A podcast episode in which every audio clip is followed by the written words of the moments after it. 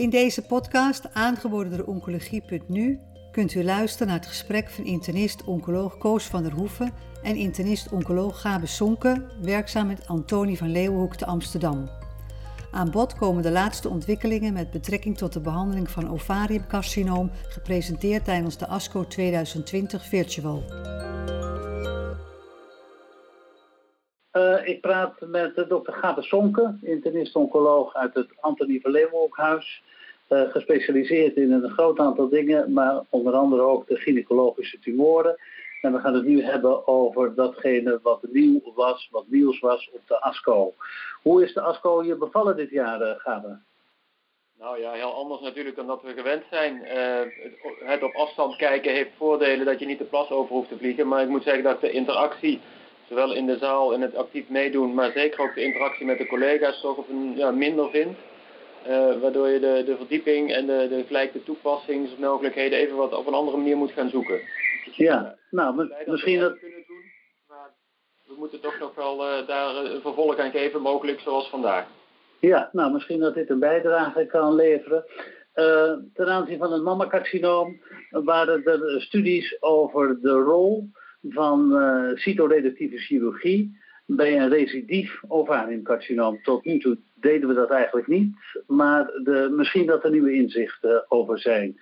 Kan je daar iets over vertellen, over wat er verteld werd in Chicago?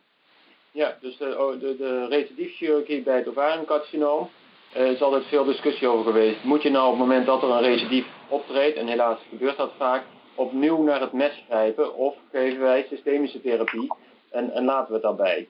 En daar zijn meerdere studies al naar gedaan of geprobeerd te doen, waaronder de Nederlandse Swakkers-studie. Alleen die, was, uh, ja, die is niet goed uh, uit kunnen voeren omdat er te weinig animo over was. Dus die, die studie is vroegtijdig gesloten. Nou is er een Duitse studie, de desktop-studie, die al eerder wat interim resultaten heeft laten zien met progressive survival. Daar hadden we nu de overall survival als primaire eindpunt. Uh, kregen ja.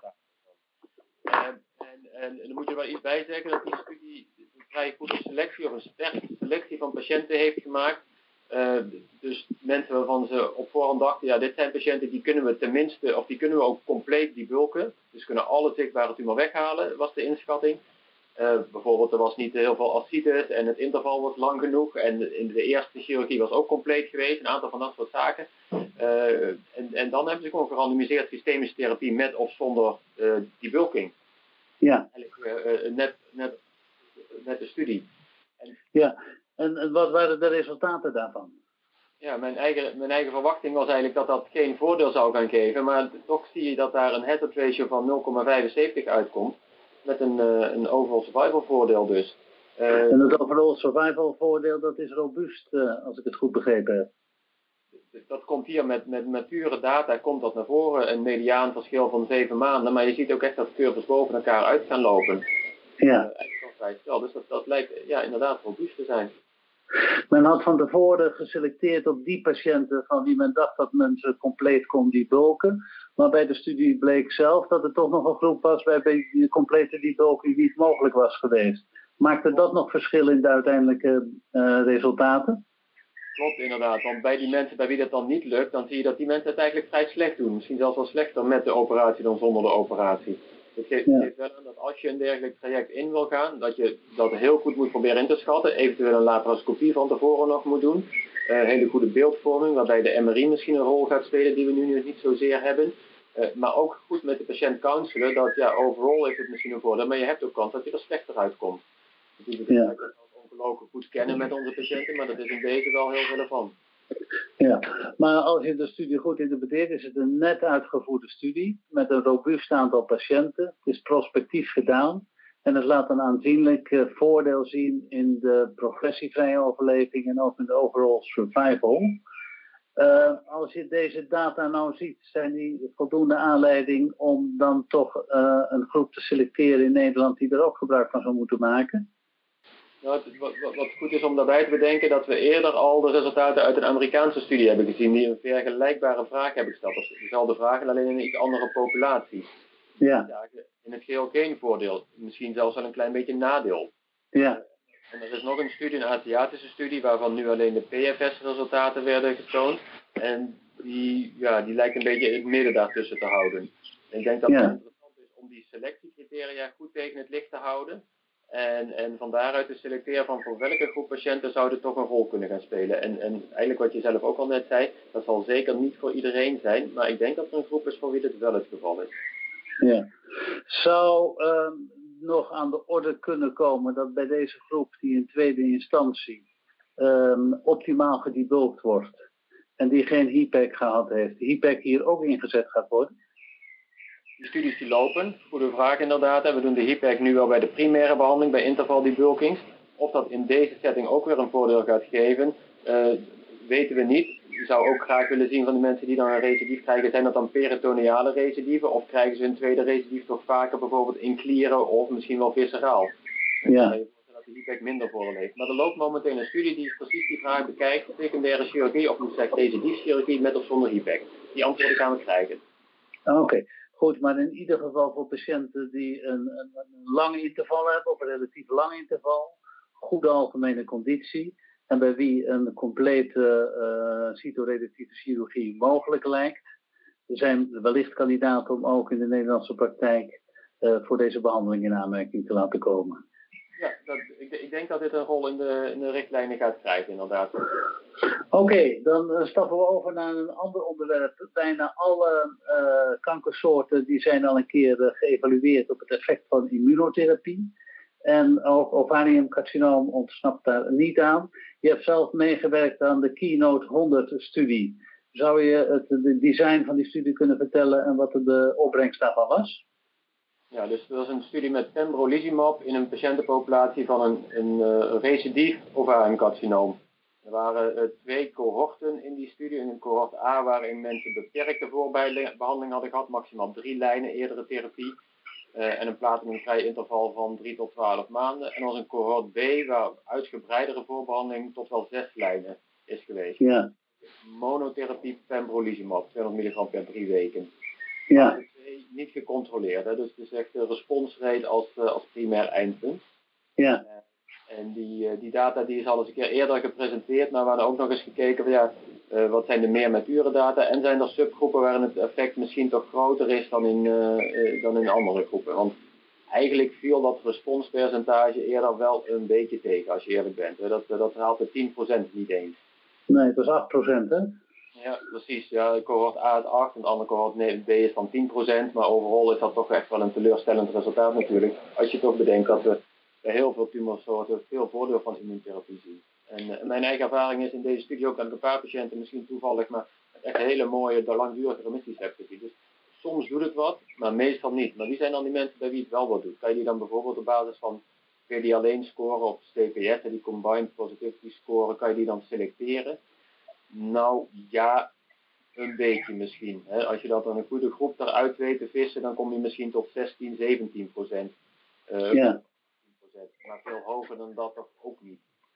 Ja, ja. Ja, dus de vraag of dit tot een uh, standaardbehandeling in Nederland zal leiden, wellicht nou, op grond van deze gegevens niet, hè? op basis van deze data niet. En ik, ik, wat ik er ook van denk is dat er een onvoldoende animo is om hier nou een gerandomiseerde fase 3-studie uh, of, of, zelfs fase 2-studie te gaan doen.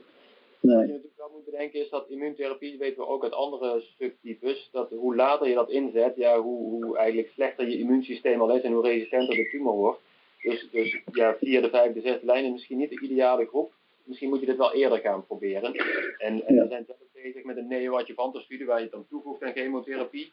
Ja. Waar je misschien ook naar combinaties nog zou kunnen gaan kijken. Uh, ja. Ja, dus voor het moment is het geen uh, last resort voor patiënten die denken ik heb alles gehad, nu is er voor mij nog immunotherapie. Uh, de immunotherapie die zal in eerdere stadia en op dit moment in studieverband moeten worden toegepast. Is dat de juiste conclusie? Ja, Kijk, als studies zijn en als er subtypes zijn, bijvoorbeeld als er dan toch een keer een MSI-tumor is, of eens met een hele hoge tumor mutational burden, dan kijken we natuurlijk of ze in studies terecht gaan komen. Maar ja. van dat zorg is het niet. Oké. Okay. Dan een ander iets waar we al heel lang mee bezig zijn, dat is de inzet van uh, PARP-remmers bij het uh, BRCA geassocieerde ovariumcarcinoom. Ook daaraan heb je zelf meegewerkt in de fase 3-studie, de SOLO-studie. En daar werden nu uh, data gepresenteerd, ongeveer 56 ma 65 maanden follow-up duur. wat waren de belangrijkste resultaten daarvan? Ja, dus de Solo 2-studie die keek bij het platinum-sensitieve recidief of armcarcinoom bij een BRCA-mutatie of maintenance olaparib versus placebo voordeel gaf. Uh, en waar we eerder al hadden gezien dat er een progressievrije overlevingswinst was en daarop ook de registratie en dat we dit nu in de praktijk toepassen, was er nu de mature overall survival data en dan bleek dat die mediaan verbeterd van, laten we zeggen, 39 maanden naar bijna 52 maanden. Dus dat is wel enorm. Dat is een enorme, enorme toename. Een ratio van 0,74, waar je dan ja, ook wel enthousiast over wordt, hoewel de commissie ja. dan iets van zou kunnen vinden. Als je heel strikt kijkt, is die eigenlijk net niet statistisch significant. Maar Nou ja, dat maakt denk ik niet zo heel veel uit. Ook als je bedenkt dat een groot deel van de patiënten in de placebo-groep later nog, alsnog een barbremmer heeft gekregen met een crossover dus. Ja. Dus, ja, maar een overlevingswinst van meer dan een jaar, dat uh, komen in de oncologie toch niet heel vaak tegen. Dus. En, en dat voor een middel wat toch niet heel erg veel toxiteit heeft, en als dat wel eens vrij goed dosisreducties daarop uh, mee te managen is, denk ik dat het ja, eigenlijk natuurlijk een bevestiging is van wat we al doen in deze BRCA-populatie. Maar het is zeker voor patiënten ook fijn dat het niet alleen maar uitstel is van uh, progressie, maar dat je er ook daadwerkelijk langer van, uh, van kunt leven. Denk je dat in Nederland uh, het merendeel van de patiënten voor wie deze behandeling bedoeld is, het op dit moment ook krijgt? Dat vermoed ik steeds meer wel. Ik weet dat we op een gegeven moment bij, via het IKNL een onderzoek hebben gedaan, maar dat is al een aantal jaren geleden. En toen viel dat eigenlijk nog tegen, dat dat lang niet bij iedereen getest werd. Eigenlijk zien we dat sinds er ook met andere middelen, niraparib, rucaparib, voordeel is geweest, laten zien. En dan ook buiten de BRCA-populatie, dat er een heel groot deel van de mensen hier wel uh, mee behandeld gaat worden. Wat tegelijkertijd wel de vraag opwerpt, moeten wel al die mensen behandeld worden? Als je nou geen BRCA-mutatie hebt, ja, er is een voordeel laten zien, maar geeft dat dan ook overall survival benefit? Als het al is, is het kleiner. Ik vind die vragen nog niet allemaal beantwoord. En dus nee. wel de meest relevante vraag is dat dit nu de recidiefsetting is, maar we weten inmiddels dat je het in de primaire behandeling kunt inzetten, de solo 1 ja. data. Wat ja. moet je nou doen als je het in de primaire setting al hebt gehad en je krijgt alsnog je recidief? Wat is ja. dan nog de waarde van deze solo 2 data? Want die mensen die zijn dus al behandeld. Dat weten we ja. Dat weten we niet. En voor de goede orde, die, die uitslagen van die solo 2 data waren voor de mensen die een BRCA geassocieerd uh, uh, ovariumcarcinoom hadden en niet de hele groep. Nee, dit was uh, een BRCA-mutatie, hooggradig serieus, platinum-sensitief, reagerend op platinum. Een hele mond vol, maar dat is de indicatie waarvoor dit uh, beschikbaar is, waar, waarvoor deze populatie was. Ja. Heel duidelijk. Dan wilde ik als laatste onderwerp nog met je bespreken iets wat we niet zo heel vaak bespreken. En dat is de zogenaamde persisterende trofoblast. Daar hebben de oncologen niet zo heel erg veel mee te maken. Maar uh, de mensen herinneren zich waarschijnlijk dat je dat uh, in eerste instantie met metatrexaat kan behandelen. Maar als dat niet afdoende is, dan komt er actinomycine D of soms nog zwaardere chemotherapie. En er was bij de een late-breaking abstract over immunotherapie in deze groep patiënten. Uh, kan je daar nog iets over toelichten? Ja, inderdaad. In deze groep, precies zoals je beschrijft, de, de effectiviteit van avelumab in deze setting ook in twee cohorten was er onderzoek gedaan. De mensen die metatrexaat hadden gehad uh, en of actinomycine D. Ook nog een ander cohort waarin mensen polychemotherapie hebben gehad, bijvoorbeeld met het EMACO of het uh, zelfs schema's Het eindpunt was daarin of je HCG-normalisatie krijgt. Ja. Uh, wat een hele sterke biomarker is in deze studie. Ja. Uh, die, ja, die was als late breaking gebracht. Ja, ik denk altijd met een late breaking dan wil ik hele krachtige effecten zien. Ja. Nou ja, het is ook wel een, een succesvol HCG-normalisatie, zag je in een relatief kleine studie, maar bij ongeveer de helft van de patiënten. Ja, dat ja. geeft ook aan dat deze, dit, dit tumortype, dit celtype wel gevoelig is voor de immuuntherapie.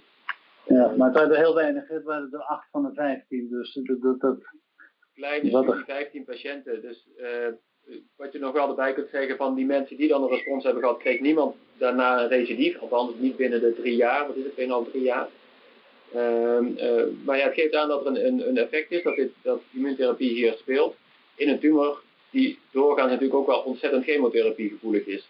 Dus hoe je ja. dat in van elkaar moet zetten, ben ik nog niet helemaal over uit. Uh, het is een eerste aanwijzing dat je hierin verder zou kunnen kijken. Oké, want de, de combinatie chemotherapie die mensen uiteindelijk krijgen als het echt niet goed gaat, is natuurlijk ook niet helemaal aantrekkelijk. En de avelumab is in deze setting waarschijnlijk toch een behandeling die weinig bijwerkingen heeft voor de patiënt. Ja, precies. Die afweging moet je dan gaan maken. Wat dan de relatieve effectiviteit is. Ik bedoel, BEP geeft in deze setting, wat we nog alles willen doen, ook, een hele goede, goede effectiviteit. Maar dat heeft lange termijn bijwerkingen. Zowel uh, uh, symptomatisch als ook bijvoorbeeld cardiaal, waar je, waar je goed over moet nadenken. Oké, nou de, ik denk dat dit de belangrijkste onderwerpen waren op het gebied van de gynaecologie. Er waren nog wel een heleboel onderwerpen die uh, andere tumoren betroffen, waaronder de Train 2-studie. Maar daarover ga ik met andere mensen spreken. Ja, daar had ik graag iets over gezegd. Misschien nog even over de, in het kader van het orgaancarcinoom, meer rituximab van tanzine, een, een antibody-drug conjugate. Vond ik toch wel een interessante... Ja, ga je gang folaat receptor antagonist. En het was een, een studie waarin naar responsrate keek, maar die was toch wel een overtuigende waterfall als je dat zo bekijkt, waarin de 92% eh, reductie zag van uh, eh, 92% van de toch behoorlijk voorbehandelde groep een respons liet zien. Of in ieder geval stabiele ziekte, maar een groot deel ook uh, responsen. Ik denk dat dit een is bij mensen die dit tot expressie brengen, waar we meer over zullen gaan, gaan horen in de nabije toekomst. Is dat iets waar we in Nederland ons ook mee bezighouden? Ja, die studie die komt ook bij Nederland, waar we proberen patiënten te gaan includeren als dat, uh, als dat snel genoeg lukt. Want de studie internationaal vrij hard loopt. Er is veel interesse en dat zal na ESCO niet minder zijn. Maar we hopen hier ook een aantal patiënten mee te kunnen behandelen inderdaad. Oké, je was zo enthousiast over de trainstudie dat je misschien nog twee zinnen kan gebruiken om uh, de, de, de, de uitzending over het mammacarcinoom misschien aan te kondigen. Als je in een paar zinnen wil zeggen over de train 2, wat wil je dan kwijt? Nou, wat we nu in de Train 2-studie denk ik definitief hebben laten zien is dat je bij uh, stadium 2-3 HER2-positief mammacarcinoom geen anthracyclines meer moet gebruiken in een neoadjuvante setting. Nou, volgens mij kan je het niet krachtiger zeggen dan dit. Ja, dan hou ik het daar gewoon bij. Oké. Nou, dankjewel voor de, de, deze uh, toelichting. En uh, tot de volgende keer. Oké. Okay. Bent u geïnteresseerd in meer podcasts? Deze zijn te vinden op de website oncologie.nu.